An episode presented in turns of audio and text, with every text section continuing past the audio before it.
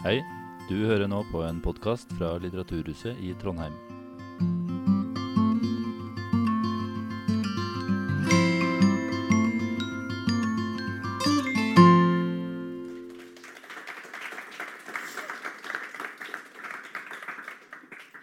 Tusen takk for det. Da er vi altså samlet her for å diskutere disse fire nominerte til NTNUs litteraturpris. Og dette hører dere sikkert igjen senere i kveld, men jeg tenkte jeg skulle ta oss gjennom hva som er liksom, statutten til NTNUs litteraturpris, i tilfelle det har gått noen hus forbi da, som likevel har klart å ende opp her. Og NTNUs litteraturpris den skal anerkjenne et norskspråklig skjønn- eller faglitterært verk skrevet av en nålevende forfatter med tilknytning til Trøndelag.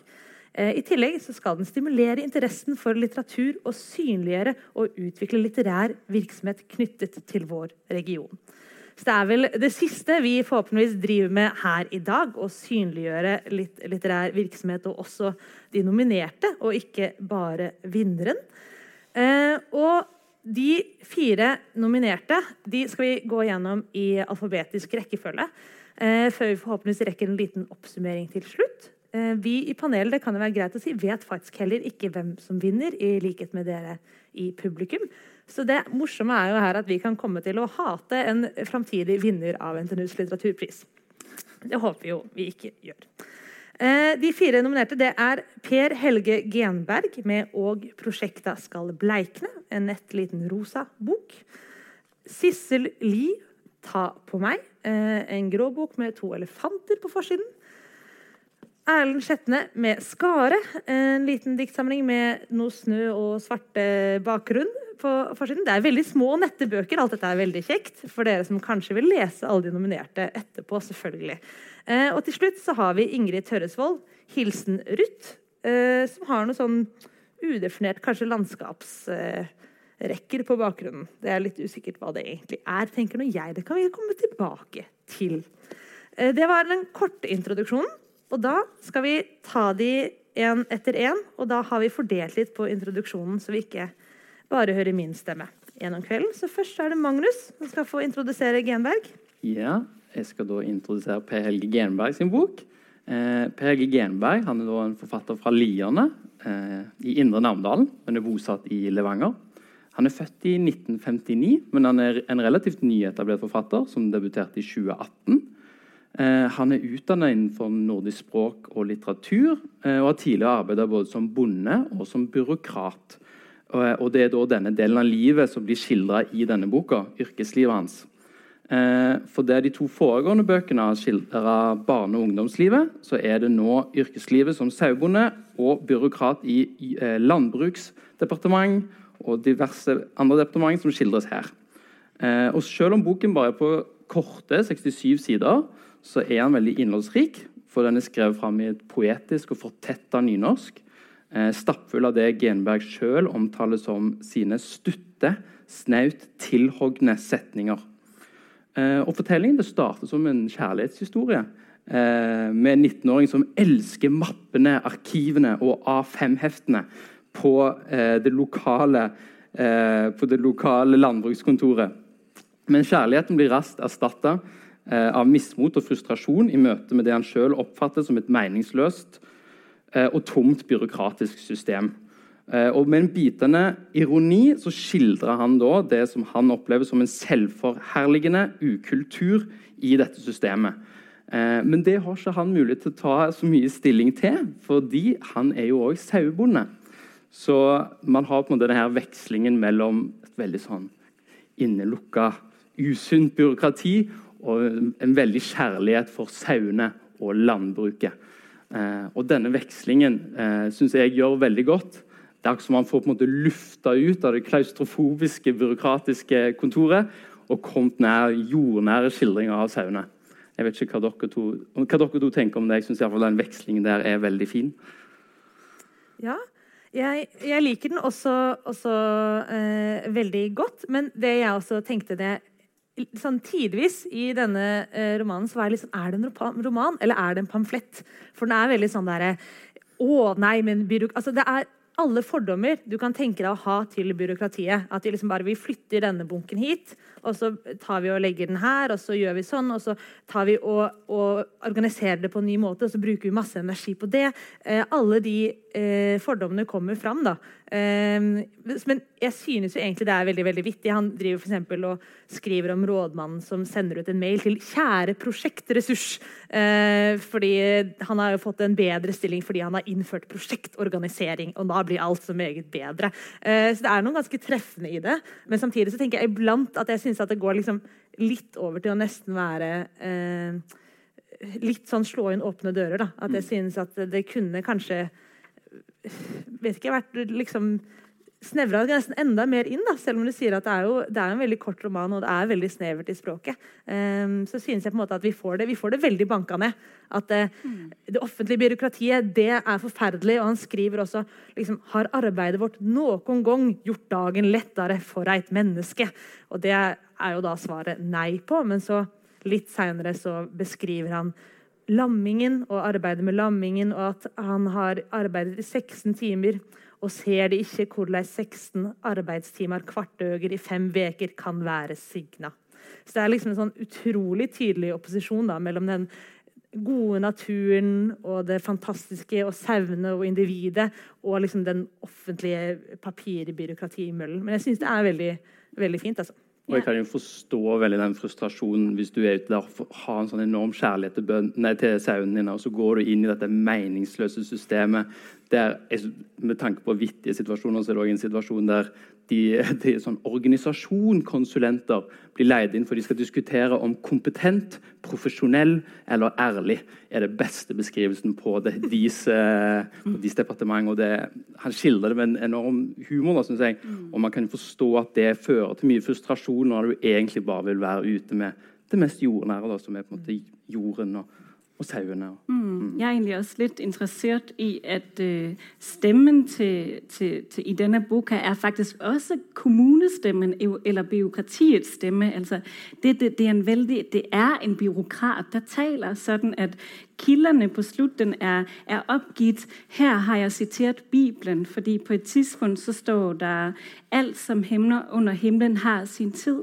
En tid til å plante, en tid til å rive opp. Og det er selvfølgelig ikke forfatterens egne ord, det er altså ord fra Bibelen.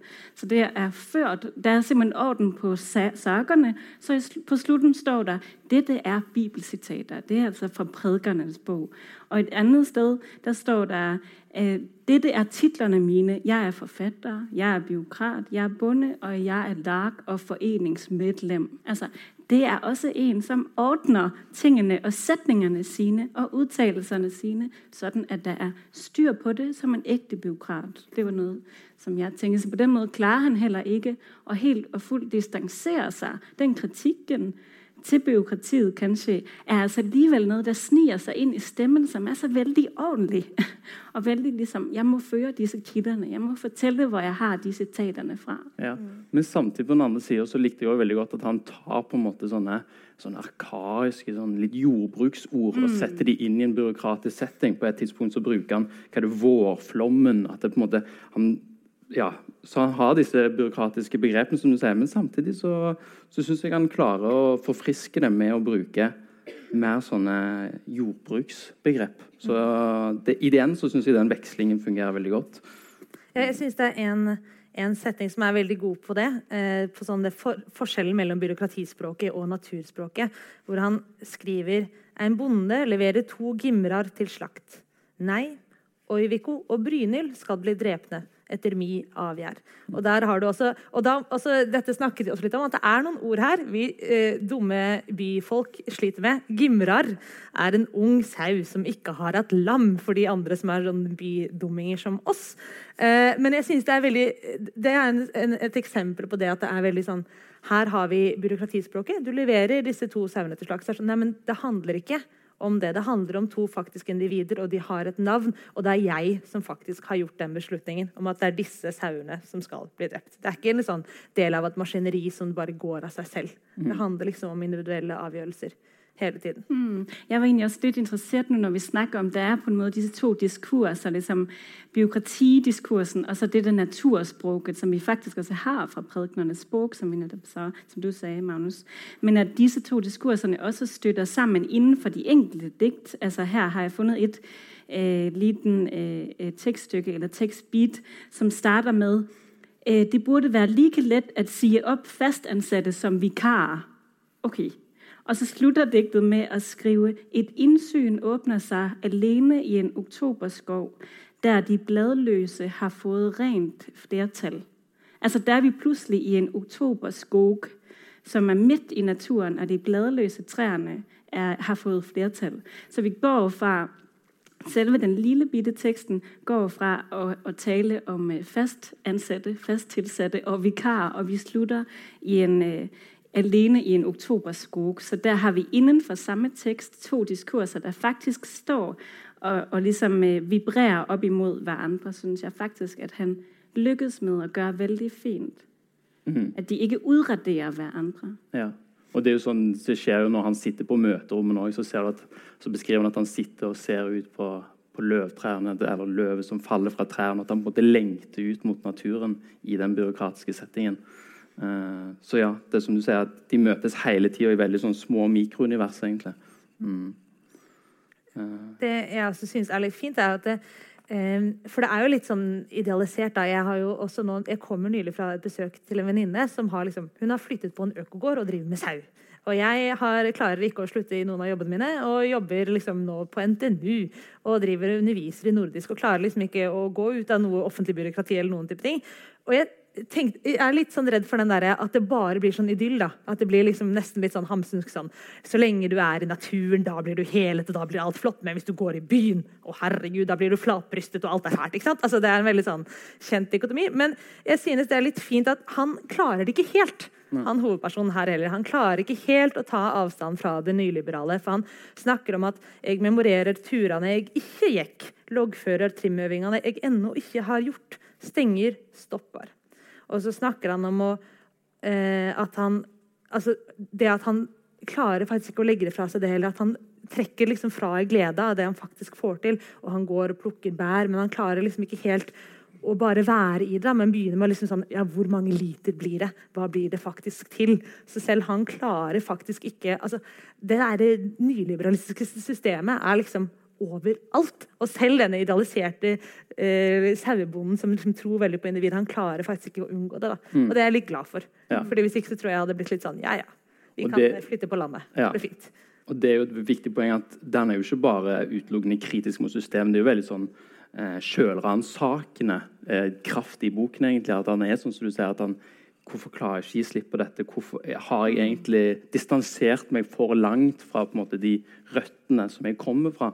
Så det, selv om det er et kritisk blikk mot systemet han er en del av, så er han jo veldig sjølransakende hele tida. Ja, det var det jeg mente, tror jeg, med at den, det er jo byråkratiet, eller det, er det også med å være sjenerøs med kildene og opptakende kildene på slutten, det er også en måte at det siver inn i selve stemmen. Altså Det er også på en måte kommunestemme der taler, eller mhm. byråkratiets stemme der taler. Og det er han bevisst om. altså mm. Selvransakelsen som mm. egentlig pågår.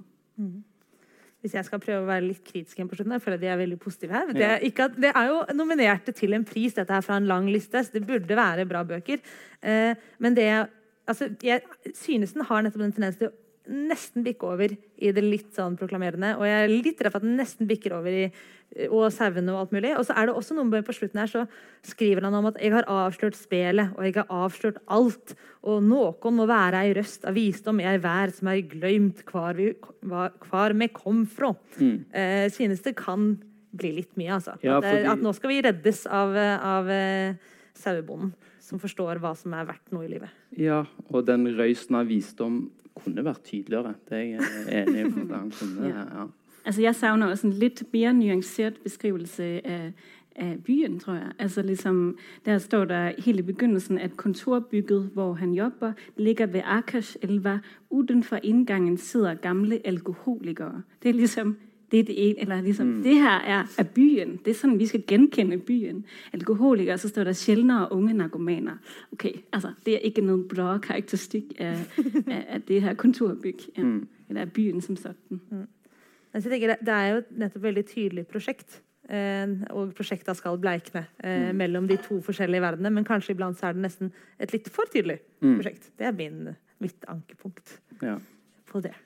Skal vi stoppe på det? Det var kanskje litt slemt, men eh, eh, vi, vi kommer tilbake i oppsummeringen. Ja. Eh, vi har nemlig litt dårlig tid, så vi hopper pent videre til Sissel Lie og Ja. ta på meg. Ja, jamen, øh, og det er meg som skal presentere. og jeg gjør det så godt jeg kan på halvt dansk og halvt norsk. Uh, ja, jeg skal presentere Sissel Lie, som uh, altså er en roman, hvor vi har to elefanter uden på forsiden. Og tit, når man begynder at tale om en bok, der er det jo forsiden, som er det første, man møter. og derfor må vi tale om, at der er to små elefanter. Det kunne kanskje være morelefanten, som følges av rødt, eh, en rød barneelefant, altså en rød barneelefant, som følger moren sin. Og hva er det så med de elefanterne? Øh, det, må vi, det skal vi tale om alle tre, og det glæder jeg meg veldig til. Øh, men jeg vil først lige sige ganske kort, hvem er Sissel Lee? for hun er lidt en øh, gammel kjenning i, øh, i litteraturmiljøet, hvad jeg forstår. Sissel Lee er nemlig dramatiker, og hun har skrevet børnebøger. Og det synes jeg egentlig er værd at bemærke sig også. Der er noget øh, barnligt over stemmen her. Jeg synes, jeg også hører, at der er en barneboksforfatter også. Øh, men Lie har altså både et faglitterært og skønlitterært forfatterskap forfatterskab bas- bag sig, og så er hun derfor uten øh, professor emeritus ved NTNU her i byen. Helt tilbage i 1986, der debuterede Sissel Lie med en bog, der hed 'Tiersmil', øh, som hun vandt Tajavesos debutantpris for i netop 86. Undskyld. Um, og ja, boka er altså udgivet af Liv forlag. Altså det er noget, der har med liv og kanskje også død at gøre, denne boka. Uh, og den blander i sin form, der blander den leksikonopslag, altså en slags faktabeskrivelser om netop elefanter og deres liv og levnet, uh, men også litterære billeder, som handler om en mor og en datter. Og denne gamle moren er ja, netop ved at blive gammel, og datteren hendes er hende, der taler i denne bog. Og det handler veldig meget om det her mor-datter-forhold, som er ganske kompliceret for moren, virker øh, øh, ligesom hun, hun har en begyndende, kanskje demens, det vi, det blir aldri øh, forklaret helt, øh, Alzheimers, men i hvert fall kommer man noen ganske rare betraktninger i hvert fall en gang imellem. Øh, og adresseaviser her i byen, de, gav, de var veldig glade for denne bok, og de gav dem terningekastet fem eh, stjerner, fem stjerner, Eh, og de kalte boken en litterær perle, og det var altså en strålende anmeldelse, og nu må vi se, om vi er like så glade for bogen. Øh, Jeg tenker vi skal starte med å tale om elefanten i rommet, selvfølgelig. Nemlig, hva er det, denne elefanten hos Sissel Lie egentlig står for? Hva tenker dere?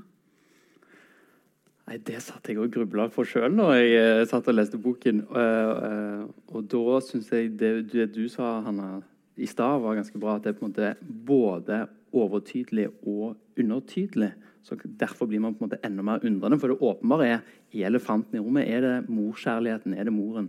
Men så er det sånn Er det så enkelt? Er, det, er det døden? Er det noe annet? Hva er det for noe? Og så er jo elefanten også veldig god til å huske. Det er jo liksom det vi tenker, ja, Elefanter de glemmer aldri. Det sier hun vel også eh, i løpet av romanen. Så det er sånn, ja, ok, det er en stor kontrast til demens og moren som driver og visner bort. Og så klarer hun ikke å tenke lenger. Og jeg, jeg sliter veldig med disse elefantene. For det er ikke bare det at, eh, at elefantene, elefantene kommer, elef, altså, Det er en setning hvor det er elefanten i rommet sykler videre med blå gummihansker og solbriller. Den kommer flere ganger syklende gjennom rommet, den elefanten. Eh, og så I tillegg så er det utrolig mye sånne faktainformasjoner eh, om elefanter. Sånn, asiatiske elefanter eh, kan dresseres til å drepe. Og så Senere får vi vite at noen elefanter er veldig liksom, glad i mennesker og veldig kjærlige. og De, er, altså, de snakker forskjellige typer språk osv. Og, og jeg klarer ikke helt å skjønne hvor det kommer fra. Og det står også bakpå, nemlig, at eh, Ehm, altså, datteren har en nagen, nagende følelse av at det er noe hun burde ha forstått. Litt sånn som oss. Hvorfor støter hun stadig på elefanter i aviser, i radio og TV og Internett? Problemet er bare at underveis i romanen så skjønner jeg ikke at det er hovedpersonen som driver og støter på disse elefantene på TV og radio og Internett. Iblant så er det sånn, ja, hun hører det på radio, men mest så blir det bare presentert som fakta om elefanter. Så jeg har- tenker at dette er det forfatteren som driver og har lagt igjen en sånn ja, litt fakta om elefanter, og at det skal kobles på handlingen. Og nettopp at jeg skal, at jeg skal forstå noe dypere av det. Eh, som jeg, sånn som hun er. Det er noe jeg burde ha forstått. Mm. Som nekter å tro på at kan være at elefanten sykler gjennom rommet, og det er noe de ikke klarer å tale om, og det er det vanskelige forholdet deres, eller det er morkjærligheten, eller at elefantene glemmer aldri. Det, må, det kan ikke være det, liksom. Nei. Skal vi lige ha to eksempler på eh, nesten sånn Wikipedia-oppslag om elefanter, nemlig bak hver gjenstand av elfenben ligger en død elefant, står der bare som en setning på en side. Og et annet sted står der, elefanter er ekstremt sympatiske. Faller deres egne, prøver de først å hjelpe dem opp, men forstår fort og sover så dypt at de slutter å spise og sove. Det er altså små, små inntrykk av, av elefanter, liksom fakta, fup og fakta om elefanter. Mm. Man blir jo veldig rik på fun facts om eh, elefanter av å lese denne boken. Det er ikke tvil om. Eh, men, eh, og det, det, for min del så var det kanskje den største verdien av, de, av de, alle de passasjene der det står om elefanter. For det var sånn som Hanna Malene sa, at eh, hva, hva er det du vil med disse elefantene? Og det er liksom ikke tydelig hvor det kommer fra, som du sier. Noen og så blir det, det er en ganske upålitelig forteller i denne boken. Så det òg skaper en sånn ekstra usikkerhet, fordi noen ganger så sier jeg at det har dukket opp på TV eller hørt det på radio. Men det virker for absurd, det òg. Så er det egentlig det, eller hva er det som skjer? Nei, det, Man sitter igjen med mange spørsmål om de elefantene.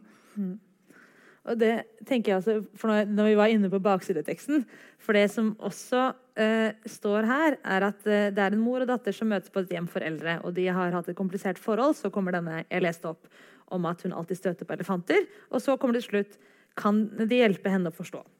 Hun begynner å notere på små lapper. Og denne informasjonen Jeg hadde lest ganske lenge i denne romanen før jeg leste på baksiden. Eh, og da var jeg sånn Å ja!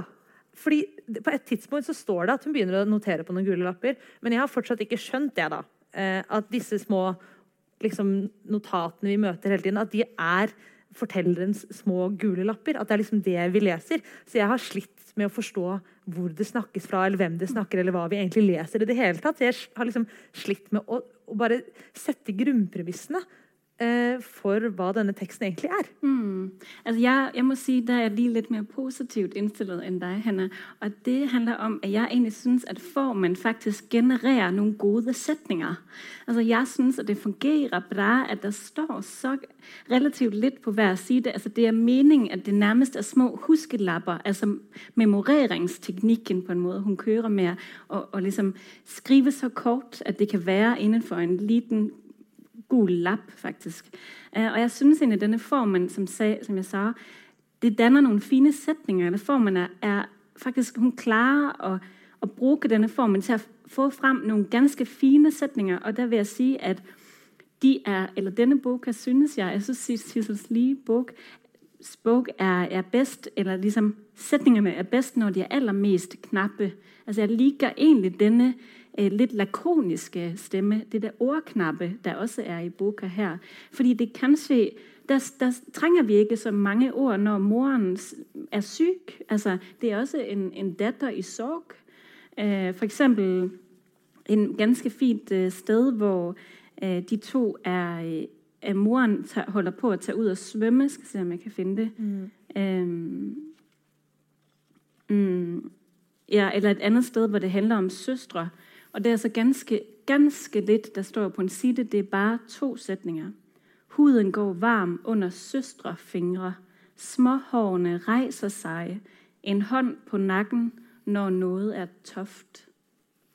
Mm. Altså det er så lidt, der faktisk skal stå, og det er jo den kropslige nærhed også, og den ekstreme indføling, der faktisk er i boka. Mm. Så en lille forsvars Ja, ja, ja. Og jeg, jeg har jo også de setningene Jeg også fant sånn noen setninger jeg syns er fine. Sånn en som heter Og Gretes kjole var munter og rød og blårutet, og min var brun og grønn og som skapt til å være trist i. Så det er noen veldig enkle og fine observasjoner. Og så liker jeg også Det er noe sånn tragikomisk eh, inni dette. her. Det er, ganske, det er en ganske slitsom relasjon, men det er liksom tragikomisk for eksempel at moren sier når jeg, blir, jeg, 'Når jeg blir glemsk, tar jeg livet av meg', har hun sagt. Men det har hun jo glemt. Eh? Så det er noen sånne fine, sånne små ø, ø, formuleringer som blir satt sammen på samme side. Men så syns jeg også da at det er noen av disse fine, små formuleringene som blir komplett eh, uforståelige. Så nå skal jeg være litt Nå var jeg litt hyggelig, og så litt streng igjen. Så er det sånn Øyet leter etter underteksten. Mødrene smiler bredt. Brødet sover i det hvite drømmevinduet. Og dette er en sånn setning som jeg bare sånn Jeg er dum, jeg. Jeg skjønner, jeg skjønner ikke dette her. Øyet leter etter undertekstene. Mødrene smiler bredt. Brødet sover i det hvite drømmevinduet. Hva, hva er denne observasjonen? Liksom, er det bare, er det, var det en fin setning? Det, peker det til noe? Eller er det Den klarer jeg ikke. Så det, det, synes, det, er, nettopp det at jeg synes det er veldig veldig ujevnt. Det er noen sånne setninger som er sånn Og denne satt, dette var fint, eh, dette er en morsom observasjon. Og så er det noen ting som er sånn Men hvorfor står dette her? Som jeg sliter veldig med, altså. Jo, fordi det er som du sier, at hvis man, formen kanskje hadde vært litt annerledes, at man ble litt mer eh, tett på den karakteren, den stemmen som snakker, så at man kanskje forstått disse her referansene og dette språket som er veldig sånn kryptisk til tider. Men som du sier, jeg sitter igjen noen steder der jeg bare sånn Jeg føler meg litt dum. Jeg forstår ikke helt eh, hva, hva teksten vil på, på, det, på det stedet. Eh, men så, for å være litt hyggelig igjen, så syns jeg mange av de dialogene mellom moren og datteren er sånn som du sier, Anna, de er tragikomiske. at det, du ser, og det, Noen ganger blir det veldig morsomt, og som regel blir det bare ganske trist. at de, Du ser at de, de klarer rett og slett ikke å kommunisere, og det ligger så mye såre, vonde følelser bak. Eh, og jeg får helt sånn å, Jeg blir frustrert på denne her eh, hun som sitter og må høre på mor, for det virker jo ikke særlig sympatisk. Eh, akkurat, og Jeg vet ikke om dere eh, tenker at det er bare en upålitelig forteller som eh, er bitter over at du ikke har blitt anerkjent nok av moren sin, eller er moren rett og slett usympatisk? Jeg vet ikke. Men eh, Jeg, jeg synes også det, er veldig, det forholdet er på en måte interessant. Jeg tenker jo også mye at Det vi ikke forstår, kan jo være at det rett og slett også er ting denne hovedpersonen ikke forstår. Fordi moren sier veldig mye rare ting. Eh, og jeg tror altså, det, jeg tenkte, det jeg tenkte på underveis, at kanskje denne boka er kjempetreffende for de som har eh, nære pårørende med demens. Som jeg aldri har opplevd. Eh, så det er jo på en måte en sånn erfaringskobling her som kanskje Kanskje det er noe med denne måten å snakke på, og disse formuleringene og disse sammensetningene som gir veldig veldig mening i denne situasjonen, som jeg bare ikke klarer å fatte. Ja, altså fordi også Jeg har heller ikke øh, erfaring med dette, men for oss fremstår moren som en ganske tøff dame, i hvert fall. Og hun blir også beskrevet av en, en lege som kommer forbi moren. Han, han noterer seg bare at moren er en festlig dame. Altså OK for en fest, din moren din. Liksom, hun, hun, hun er ret Hun sier ting rått for usødet, sier vi på dansk. Hun er så direkte. Og det kan ganske godt være at dette er, er også en del av, av sykdommen, og liksom det, og som gjennomsyrer det forholdet. Det er der ingen tvil om. Men jeg synes, hvis vi forsøker å heve oss litt opp på nettopp nivået over sætningsniveauet, så er jeg egentlig også interessert i, at dette er velfærdstekster, synes jeg. Altså, i hvor høy grad synes dere, at dette er et, en øh, social kritikk, altså en beskrivelse av gamlehjemmet som et cirkus, eller som en slags øh, arena for øh, rare ting, og moren blir behandlet på en rar måte, liksom. Øh, ja, hvor i høy grad spiller det en rolle her? Det kommer sånne små drypp innimellom, sånn som f.eks. på slutten når hun er veldig syk. Og så sier hun 'kanskje dere hjelper moren min', og så er det sånn 'nei, dessverre, legen kommer ikke før neste torsdag'. Eh, og at det er på en måte eh, Moren har klager over hvor fælt det er å sitte i dette fellesarealet med disse mennene som hun ikke klarer å kommunisere med. Og, så det er sånne små drypp av at hun trives jo ikke, hun har det ikke bra, det burde vært på en annen måte. Eh, Men jeg syns ikke det blir utbrodert nok til at jeg klarer egentlig å, å få så mye ut av det perspektivet heller. Fordi det, det jeg sliter med, det er at ja, vi kan prøve å heve oss opp og ta det vekk fra setningsnivå, men da faller det på en måte tilbake på at eh, vi har en så upålitelig forteller, og egentlig også da denne moren sier jo ting Hun er dement. Hun sier jo ting som ikke er sant hele tiden. Så hun er sånn Nei, nå har legen operert på foten min, så nå kan jeg ikke gå. Og så er det sånn Nei, men det er jo ikke sant, mamma. Nei, nei, det var visst ikke sant. Ehm, så, så det, hvis det er en kritikk, da, så er det jo litt sånn Vi kan jo ikke vite når moren sier at 'jeg behandles på denne og denne måten'. Er det sant? Eller er det denne sånn demente moren som er blir, altså Mange demente blir jo veldig sinte og føler seg veldig glemt, og de husker jo ikke at de har fått eh, kjærlighet og stell og fått besøk for to dager siden, fordi de syns de alltid er alene. Eh, Så det er vanskelig å ta det nivået, da, selv om det er akkurat den på slutten er ganske fæl, hvor de skildrer eh, selve dødsleiet til moren. da. Ja, jeg tror, når jeg tænker, at, at dette er kanskje en lite, lite bitte kritikk av, av helsesystemet, så tænker jeg særlig på øh, øh, det, denne lille tekst, nemlig den lyder således. De ringer fra sykehjemmet. Noen glemte et åbent vindue, og mamma har fået lungebetændelse og er ikke bevidst. Hun er gul i huden og puster tungt, når jeg kommer. De har ikke mye motstandsdyktighet i den alderen. Vi sendte henne ikke på sykehus, så hun skulle slippe at ligge i et fremmed rum. Nu har vi sluttet at give henne mat og vand. Der går det fortere. Der tar de livet av henne, sier datteren. Hun slipper at lide lenger end nødvendig, blir hun svart. Jeg synes, dette er utrolig brutalt, sier datteren. Lette vand må hun da kunne få. Kroppen tåler ikke væske. Vand vil fylde lungerne. Okay, altså liksom, bliver hun ikke taget sig Er dette et sundhedssystem som svigter? Ja. Det kan det absolutt være. Og jeg tror også at det er eh, der vi forlater Sisseli for nå, som en eh, systemkritiker av helsevesenet. Eh, rett og slett. Som, som vi hadde en systemkritiker av det offentlige. Så her går det dårlig med det norske samfunnet. Bra vi har ny regjering. Neida. Eh, men da skal vi over til Erlend Skjetne og Skare. Eh, denne boka den kom ut i 2019 og var Erlend Skjetnes debut.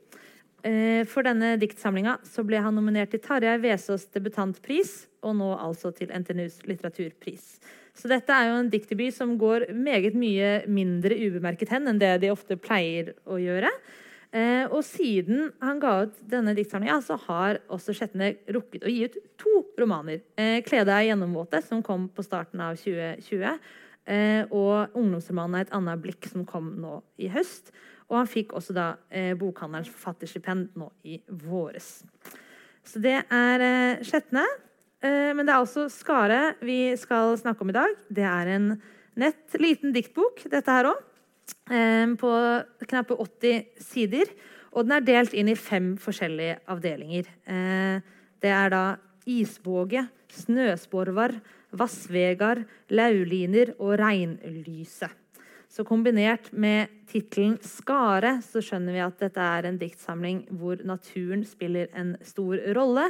Og vi har mange skildringer av fugl og eh, blomster og ulike, av ulike slag. Og også naturens sykliskhet og hvordan den står opp mot menneskelivet. For det, selv om det er mye naturskildringer, så er på en måte tråden vi følger kanskje mest eh, gjennom denne diktsamlinga, et parforhold. Eh, et par som har flyttet eh, langt ut i naturen eh, til et lite hus. Og vi følger dem gjennom årstidene etter hvert som forholdet deres egentlig da gradvis rakner. Så det er en slags melankoli over denne samlingen, som i tillegg til å handle om naturen og egentlig mye det hverdagslige og det mellommenneskelige, har noen sånne små glimt til liksom, syndefallet og norrøn mytologi. Så her er det et vidt spenn eh, i det hele. Og jeg tenkte at For å liksom starte oss opp så skulle jeg ta et eh, lite sitat fra eh, en tekst som ble skrevet om Skare i Bokvenn litterær avis av Eirik Røkkum. Skare, og da tok han egentlig sånn oppsummering av poesiåret 2019. 19 var det, så det er derfor han er unik. som det kommer. Skare er likevel paradoksalt nok unik ved å gå til poesiens basics, det sentrallyriske. Det føles friskt, men skjettene setter seg i skuddlinja for latter ved å skrive om røynd og kjærleik, og ikke i dypt alvor om plogfurer og urin. Boka reddes av sin saktmodighet og at den er skrevet på et kledelig, språksikkert nynorsk. Hvem kan krangle med kvalitet, spør Røkkum. Så det skal vi se om vi kan gjøre her i dag, tenkte jeg. Eh, så jeg håper at det er noen som har noe negativt å si. Nei da. Men eh, hva, hva syns vi om Skare? Første tanke er i hvert fall at jeg skal ikke krangle veldig på kvalitet. Dessverre, Hanna. der må jeg skuffe deg, for Jeg syns det, det var en nydelig diktsamling. Eh, sånn som du sier, eh, det er en slags melankoli, men med, med en sånn håpefull tone. Så den blir veldig lun og veldig varm. Og så er det sånn nydelige skildringer av hvordan menneskeforhold blir sammenvevd med naturen. eh, som blir skildra på en helt, helt nydelig måte, syns jeg. Eh, så jeg likte denne diktsamlingen veldig veldig godt. Eh, er du enig? Ja, men hvis jeg skal være djevelens advokat, så er dette også en skildring av livet og parforholdet, kjærligheten i naturen, og i dette, denne hytte så langt vekk fra alting. Og det er liksom, der er så litt der sker i, for disse menneskerne i naturen, at det også kanskje blir en lille smule stillestående. Altså at, at, at, at, at det er enormt sånn Øh, det, der, der sker næsten ingenting, og sætningerne de har ikke mye fremdrift. Så der er en mulighet for, at når man læser denne diktsamling, så står det også veldig stille. Altså, den, vi har simpelthen med å gjøre med eh, tempoet i naturen.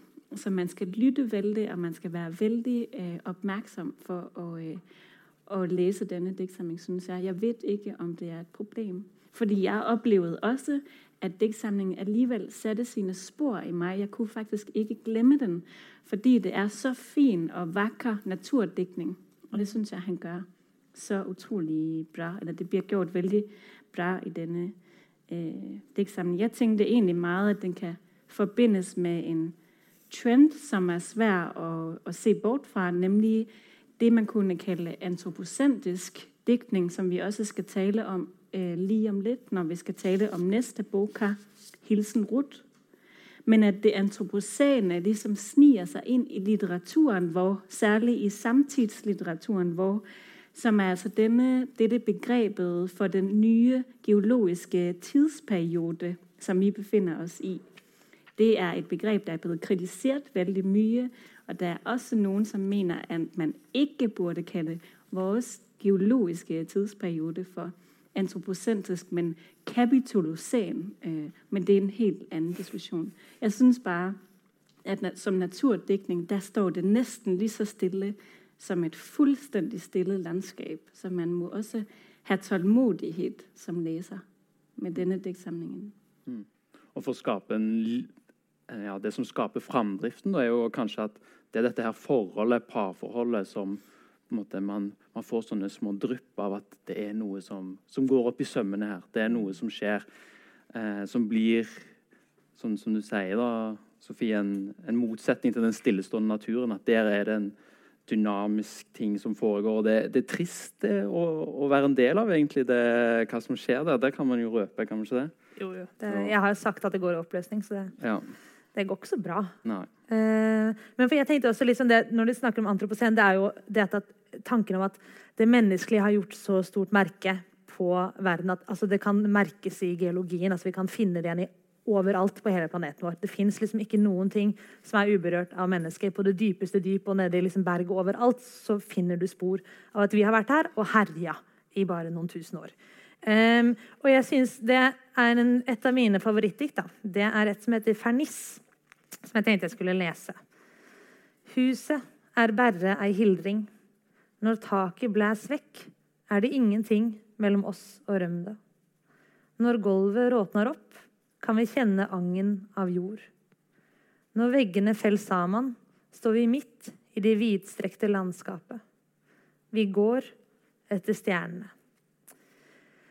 For det er noe med det med at alt dette menneskelige vi har konstruert rundt oss, det er på en måte noe midlertidig. Det er noe som bare kommer til å svinne hen. Som jeg synes er veldig veldig fint, men som jo egentlig står i kontrast til antropocen som en geologisk tidsalder. For her er det jo en, sånn, et håp Jeg kaller det kanskje en tanke eller ja, Det er et håp om at alt det vi har gjort, kan på en måte bare forsvinne. Og så står vi igjen der i naturen sånn som den alltid har vært, og kan liksom guides av stjernene. Eh, men det er jo egentlig en lengsel som ikke går an. For uansett hvor mye vi tar bort, så er det ikke sånn at vi står der igjen og er i et landskap som ikke er merket av oss. Da. Men jeg synes det er en veldig sånn fin tankegang å bli minnet på, på den midlertidigheten mennesket tross alt er, da, kontra naturens liksom, lange sykliske blikk. Og han har også et veldig fint dikt hvor han snakker om fossene som går i det samme løpet år etter år. Og så lurer han på om de to vil også kunne gå i de samme løpene neste år. Og det skjønner vi jo liksom allerede ved spørsmålsstillingen at det gjør det ikke. Så det er noe med dette Hamsunske igjen. da. Det er dette som menes med det evige liv, snakker han om når han snakker om, om bøndene og det å være i kontakt med naturen og klare å gå i det sykliske. Eh, som kanskje vi ikke får til som mennesker i dag. At vi er bare disse små forholdene som smuldrer opp litt etter litt. Mm. Jeg kan, jeg kan, kanskje jeg kan lese et dikt som ja. jeg likte veldig godt. Ja. da. Fordi det, Hvis det er en ting som jeg, som jeg trakk fram i starten, så er det dette at diktene er veldig lune. At det er som man skaper sånne rom som man får lyst til å gå inn i. Og Da kan man kanskje tenke på det på to plan. Det diktet jeg skal lese, heter inn. Så på en måte skal man tenke at han skaper et spesifikt rom for de som et parforhold. Men det er også noe veldig gjenkjennelig med det. da. Eh, og det er sånn eh, Huset er svart med en diger gardsplass der snøen har hopa seg opp. Vi må vade gjennom den for å komme til døra. Nøkkelen ligger under matta, frosen fast i plankene. Jeg river den opp, du åpner døra. Vi går fra rom til rom og tenner lyset. Så Det er jo på en måte kanskje de to som skaper seg et liv da, i dette. her, Men både meg, eller jeg kan kjenne meg igjen i det å bare komme på hytta. Sant? Noe. Jeg får noe gjenkjennelig med det òg. Bare gå rundt fra rom til rom og, og tenne lys og, og, komme til noe annet, noe nytt. Uh, jeg syns det, det, er en sånn lunhet og varme i, i diktene. i mange av dem. Mm. Mm. Ja, Det bør jeg også merke i. altså At den faktisk lykkes så fint med også å være spesifikk. altså Som du sier, nøkkelen er frosset fast, og den må liksom hives opp. Mm. Uh, og Derfor får vi de her sånn lune skildringer hvor hvor vi får noen fastfrosne scener som nesten blir sådan frosset også inn i, i, hodene på oss. faktisk, At det kan være vanskelig å glemme den igjen. og Derfor synes jeg også at det blir skildret en enormt stor kærlighed til å være i naturen, men også i starten i hvert fall til duet. At det faktisk er en enorm øm, ømhet for duet, som hun heter Anna, som er i, i begynnelsen. Øh, det var i hvert fall noe jeg sånn, Kjærlighetsberetningen i denne hytta hvor de går og tenner lys, er også veldig vakker, faktisk. Mm. Um. Ja, fordi det, Du snakket jo litt om det at den er langsom, og det er den jo. Så jeg tenker jo det at um, Men det er jo ofte sånn med dikt at du må ta deg litt tid. Du tenker kanskje at det skal gå så fort, og så gjør du ikke det. for du må liksom faktisk være i det. Men det er jo også, jeg må jo innrømme at også her så har jeg måttet slå opp ord. Eh, hvor jeg kjente litt sånn gremmes over mine egne nynorskkunnskaper. F.eks. ordet 'hackne' Som tydeligvis kan bety grådig. Det kunne ikke jeg. Um, så det kjente jeg litt på. Men jeg syns det er en måte interessant også, for det er et veldig spenn også innad i denne diktsamlingen med på en måte egentlig hvilket stilnivå vi ligger på. Det er noen som er veldig sånn eh, Som peker veldig nettopp ut i det universelle, og som har nettopp dette med å bite over et eple, men det blir ikke noe syndefall, og som snakker om de norrøne gudene. Men så har du også de som er veldig, veldig enkle. F.eks. et her som handler om april. Den enkle gleda ved å pakke vekk deg varme kleda. Ennå ein veit det at det er for tidleg. At mange morgenår ennå skal demre med frost i graset. Vi betaler villig med ei lita forkjøling. Og der er jeg sånn, Nå er vi nesten over i instapoesi. på en måte. Eh, jeg vet at det er et skjellsord. Eh, det er ikke ment som det her, men det er altså kontra eh, en del av disse andre diktene som er ganske tunge, og som er sånn du må virkelig stoppe opp og vente. ok, men hva er det vi sier? Til en sånn helt sånn hverdagsbeskrivelse, som nettopp sånn som du sier med denne med nøklene, at det er veldig veldig, veldig gjenkjennelig. Så det er et veldig spenn. Men jeg tror også iblant så syns jeg det var litt vanskelig å på en måte at jeg gikk inn i et dikt med en forventning om å være på ett nivå. Og så var det sånn Oi, herregud, nei, nå var vi, nå var vi i syndefallet. på en måte. Men det er jo litt godt òg, da. ja, jeg hadde sånn, samme opplevelse. At du plutselig sånn Oi, ja, her var vi på et helt annet uh, nivå. ja. ja. Mm. Samme opplevelse. Mm. Det er også et langt uh, dikt i denne diktsamlingen som handler om at uh, de sitter en, en, sikkert en, en kald kveld på hytta og spiller kort. Så det blir også en helt, egentlig for denne diktsamlingen ganske lang beskrivning af, af duet, og, og, eller dette øh, kærlighedsforhold og de her to mennesker, der sitter og spiller kort. Mm. Og hun er øh, en del, går en del mere op i kortspillet end ham. Og så slutter øh, digtet bare med at skrive, øh, at jeg har tabt tålmodet, og så lægger du kabale. Altså liksom, at så hverdagslig, at den tør også å være så hverdagslig, mm. faktisk. Eh, at det blir spillet kort i, på hytta. Mm. Ja. Det går an å leve i hverdagen òg, skal vi si til den. Og så skal vi hoppe oss eh, videre, eh, rett og slett til siste bok på panelet panelet på ja, ja, de nominerte, heter det. Ja, ja, her kan vi ord. Eh, da skal vi over til Ingrid Tørresvold og 'Hilsen Ruth', som kom ut på Cappelen Dam i 2020. Dette er også en eh, debutroman, slik som 'Skare' er en eh, debutdiktsamling, eh, av da Ingrid Tørresvold, som er fra Trondheim. Eh, dette er den kanskje mest tradisjonelle eh, altså Av disse romanene så er det den mest tradisjonelle romanen. Den er på en måte, det, du har en historie med en begynnelse og en midte og en slutt. Det skjer kanskje ikke så mye, men den er på en måte ikke eh, laget av små gule Post-It-lapper eller satt opp som små, korte knekkprosa-stykker. Eh, og her så følger vi da Ruth, som skriver små tekstmeldinger og alltid avslutter dem med 'Hilsen Ruth'. Det er der vi har tittelen fra. Og disse tekstmeldingene eh, de går fra alt til at hun har, at hun har kjøpt en, eh, sånn gardintrapp. Sånn 'Hilsen Ruth'.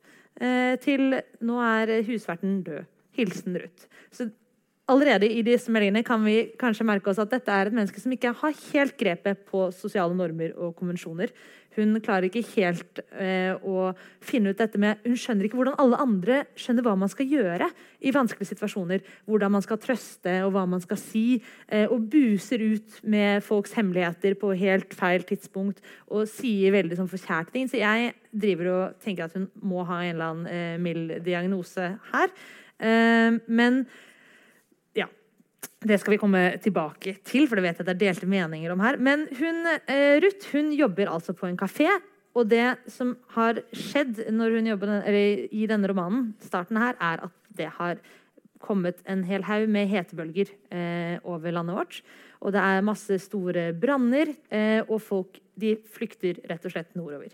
For litt lenger nord det er det litt som i en vanlig sommer. Dette fører til at Ruth er en alene sammen med eh, eierens niese Sofie og driver denne kafeen hun jobber på, hvor ingen kommer inn og ingen vil kjøpe noe, for det er ingen som vil ha kaffe når det er så varmt. Men Ruth har da noe å gjøre. Hun føler seg veldig viktig for å holde kafeen åpen. Og eh, Sofie hun eh, avslører også at hun har blitt gravid.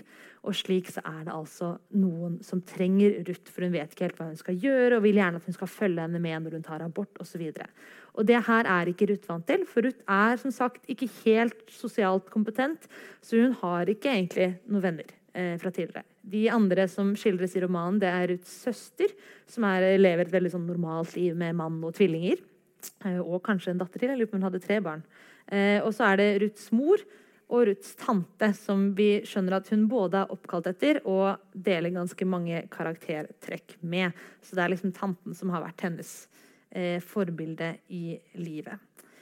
Så det er liksom eh, rammene vi har rundt denne romanen. Og den er litt tragikomisk til tider, eh, den også. Jeg er litt usikker på om den er egentlig optimistisk eller pessimistisk eh, i sin helhet.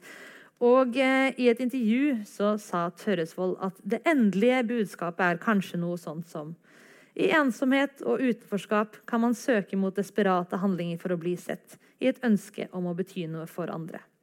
En ytre krise kan også for noen oppleves som en redning.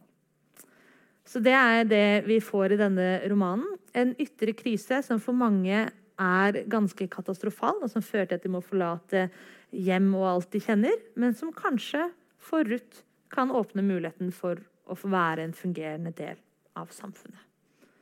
Så hvordan fungerer dette grepet? Eller hvordan fungerer denne boka? Mm, altså jeg tenker For det første så var jeg virkelig Jeg syns egentlig det er en nydelig bok, og jeg var umiddelbart veldig trygg ved stemmen. Altså Ruth er jo jeg-personen, så det er Ruth der taler.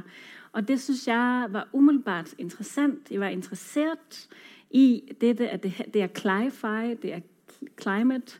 Det handler om uh, klimaet igjen, dette naturtemaet. Uh, uh, og så handler det også om klimaet, kanskje som det kommer til å bli ganske fort i fremtiden, hvor, eller allerede er det.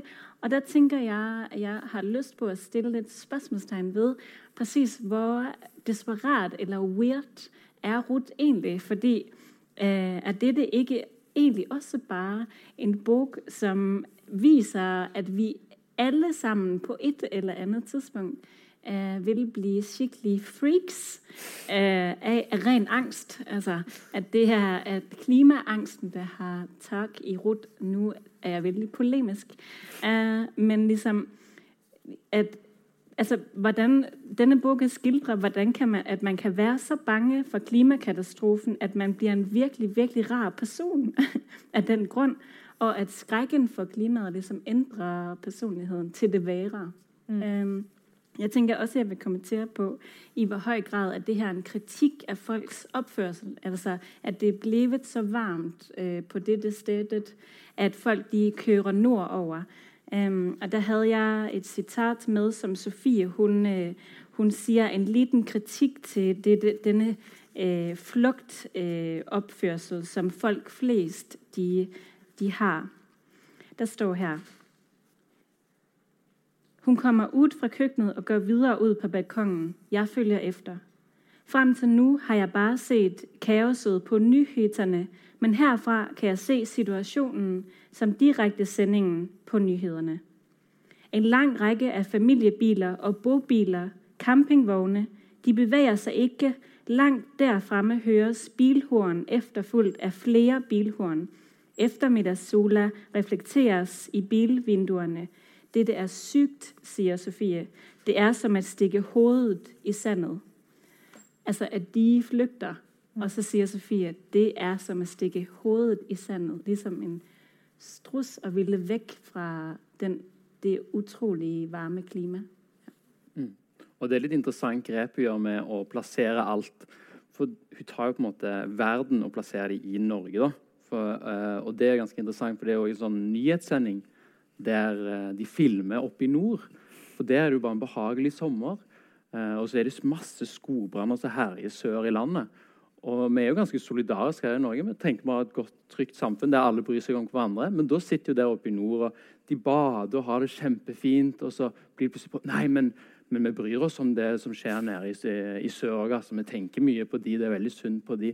Så de får på en måte fram ja, Hun blottlegger egentlig litt vår eh, ja, apatiske holdning til det som skjer andre steder i verden, kanskje med å sette det inn i, i den rammen. Det syns jeg er veldig interessant. Det er mye, det er mye rom for hyklerikritikk. Altså. Altså, mm. det, og det, er også, det, er jo, det var mange som tro, dro parallellen til at dette kommer ut, og så var det koronakrise. på en måte. Og hvem er det som står igjen? Det er servicemedarbeiderne som skal holde denne kafeen åpen. Sånn, sjefen hadde dratt fordi han kunne leie seg et hus litt lenger nord. Mens Ruth hun har ikke den muligheten. Eh, så hun, på en måte, eller hun føler i hvert fall at hun ikke har den muligheten, så hun må bli der og holde det åpent og holde liksom, hjulene i gang. Så det er veldig veldig tydelig eh, kritikk på det. Men også det er morsomt det du sa med, med strutsen. Eh, for det er jo også en gjennomgående greie i denne hilsenen Ruth at Ruths søster Mari hun er psykolog. Eh, og hun prøver hele tiden å liksom diagnostisere Ruth ved å finne fram til alle de forskjellige dyrene hun ligner, og hvordan de takler krisesituasjonen. Så det er veldig tydelig at For Ruth så har egentlig samfunnet eh, egentlig vært en slags krisesituasjon lenge. Eh, det er ikke noe som egentlig kommer med denne klimakrisen heller. Det er beskrivelser om at hun har hatt veldig vanskeligheter for disse sosiale båndene helt fra barndommen av. Men da er det liksom sånn at hun er et pinnsvin eh, og et, struts osv. Og, og en meitemark og en kameleon. Hun har blitt liksom plassert i mye. Og så er hun litt sånn Ja, ja, men det hun har glemt, det er jo bjørnedyret. Hun kan jo umulig kjenne til bjørnedyret, for da ville hun skjønt at pinnsvinet og strutsen er utdaterte representanter for sånne som meg. For hennes eh, overlevelsestaktikk er liksom å stenge seg helt inne, og hun kan overleve egentlig alt som et lite bjørnedyr. Og trenger ikke liksom noe connection med samfunnet rundt seg. Så den syns jeg også er en ganske fin eh, viderevinkling av dette med dyrene. Og jeg tenkte faktisk også mye på en annen bok da jeg leste denne, som er en bok som heter 'Jerv', av Ida Fjellbråten, tror jeg hun heter. Eh, som også kom ut, tror jeg, kanskje i fjor. Som er også en sånn postapokalyptisk roman. hvor vi følger en litt, Der er det også en litt tilbakestående ung kvinne eh, som på en måte jobber i en dyrepark. Eh, og så kryssklippes det med henne, mellom henne og en jerv i denne parken. Og hun har på en måte ikke skjønt hva no, som skjer, og vet liksom ikke helt hvordan hun skal redde seg, eller hun skal, hvordan hun skal forholde seg til det. Og den synes jeg hadde litt den samme filen som denne Hilsen Ruth. altså. Hvis jeg skal være litt streng, da, så syns ja. jeg eh, Jeg er jo altfor snill for deg. Men eh, da er det at disse her med dyrene og på en måte de metaforene prøver å få fram der, at da blir det kanskje litt sånn overtydelig. og Jeg syns ikke det fungerer så godt. Men jeg føler akkurat samme som du sier, Sofie, at man blir veldig fortrolig med stemmen til Ruth ekstremt fort. Eh, og man får veldig sympati for denne karakteren. Det klarer å etablere på en enormt god måte, syns jeg. Fordi det som du sier, er en diagnose inne i bildet. For du merker hele tiden at det, eh, hun klarer ikke å oppfatte alle de sosiale normene. Men hun er så bevisst på det òg. Mm. Så det blir så sårt, og man får så sympati for det. At hun er så, hun er så mm. klar over sin egen utilstrekkelighet til å nå fram. Og så lengter hun sånn etter det òg. Uh, så det er jo veldig veldig mange sånne såre, uh, triste skildringer der. Da, men uh, man får veldig sympati for Ruth. Ja, det er riktig. Jeg syns virkelig igjen at, at Boka formidler jeg-personens indre liv og usikker, kjempestore usikkerhet så fint. Altså at, at denne usikkerheten og desperasjonen til Ruth faktisk er ganske sosialt destruktiv. Altså hun, hun, blir, hun knytter i boka et vennskap til Sofie Øh, og, og igennem karakteren Sofie, hun, er jo, hun bliver gravid, eller hun er gravid, og så er der også dette tema om reproduksjon og klimaangst. Liksom, går, er det ok å få barn i klimakrisens tid? Og det, det tema ligger liksom hos Sofie. Men det vennskap er noe Ruth ønsker seg så veldig, men det ender nemlig å gå i stykker. altså fordi uh, Ruth blir uh, avskediget fra kafeen. og og Sofie vender hende ryggen. Og det er jo så, så voldsomt nesten og sårt for oss å høre, fordi vi føler sånn med, med Ruth. Ja. Det er sånne små scener der det avdekkes mer og mer hvor rar Ruth er da, i mm. Sofie sine, sine øyne. Sant? Fordi de møtes som, som likemenn, at de begge jobber i denne kafeen. Og så bare brytes det sakte ned, for hun klarer ikke helt holde seg innenfor normene. Mm. Og det er vondt å være tilskuer til. Det, det, er det. Det er veldig vondt. Jeg, men altså, hvis jeg skal være en, en kritisk røst til slutt, da Nei, ikke til slutt. Men uh, så syns jeg jo også at uh, denne boka egentlig også, selv om den er ganske knapp, så syns jeg iblant den er litt lang. Mm. Jeg synes det, det, er en sånn, det er en lenge varslet katastrofe det, det er både at uh, vennskapet med Sofie går i stykker, f.eks. Og det går så sakte, og det er liksom bare litt etter litt etter litt, og du bare sitter og bare au, au, au, au, au. Og så blir det liksom aldri ferdig. Mm. Men det er kanskje en kvalitet, det òg. Eh, vi må faktisk begynne å Eller ikke begynne, vi må nesten bare avslutte. Men eh, er det noen som har noen sånne oppsummerende kommentarer på tvers? Til slutt. Mm. Er dette bra bøker? Men er det bra? Det vil jeg absolutt Jeg vil si det er bra bøker. Og så prøvde jeg på en måte å tenke er det noe som går igjen. Og da føler jeg det er kanskje eh, at man, det er en slags sånn melankoli som går igjen, men med håp. At det, det er noe håpefullt med mange av bøkene. sitt jeg igjen med, iallfall. Eh, og så er det det er spenn, da, syns jeg, i hvor bra det er. Det skal sies. Mm. Mm. Altså, jeg merker meg meget dette med naturen, som jeg gør igen, som vi har snakket veldig mye om. Men også at naturdikning, eller liksom det, der sker med klimaet vårt rundt oss, det får språket til å å arte seg på en bestemt måte. Altså, jeg synes alle de bøker vi har talt om i dag, er veldig skarpe alle sammen. Og det er nesten ingenting som er overflødig. Så da er jeg ikke enig med deg, Hanna. Jeg synes heller ikke at Hilsen Ruth Der står heller ikke noe overflødig her. Altså, klimakrisen får kanskje språket vårt til å bli enda mer eh, lakonisk og kort og skarpt. Det syns jeg er en eh, konklusjon jeg tar med meg. Mm. Så her har vi natur, håp, melankoli, utenforskap og kriser på en fin, liten bunke som dere kan lese dere gjennom etter utdelingen. Da sier jeg tusen takk til alle her oppe og til alle dere i publikum. Og så blir det spennende å se hvem som vinner om en liten time. Ja. Takk.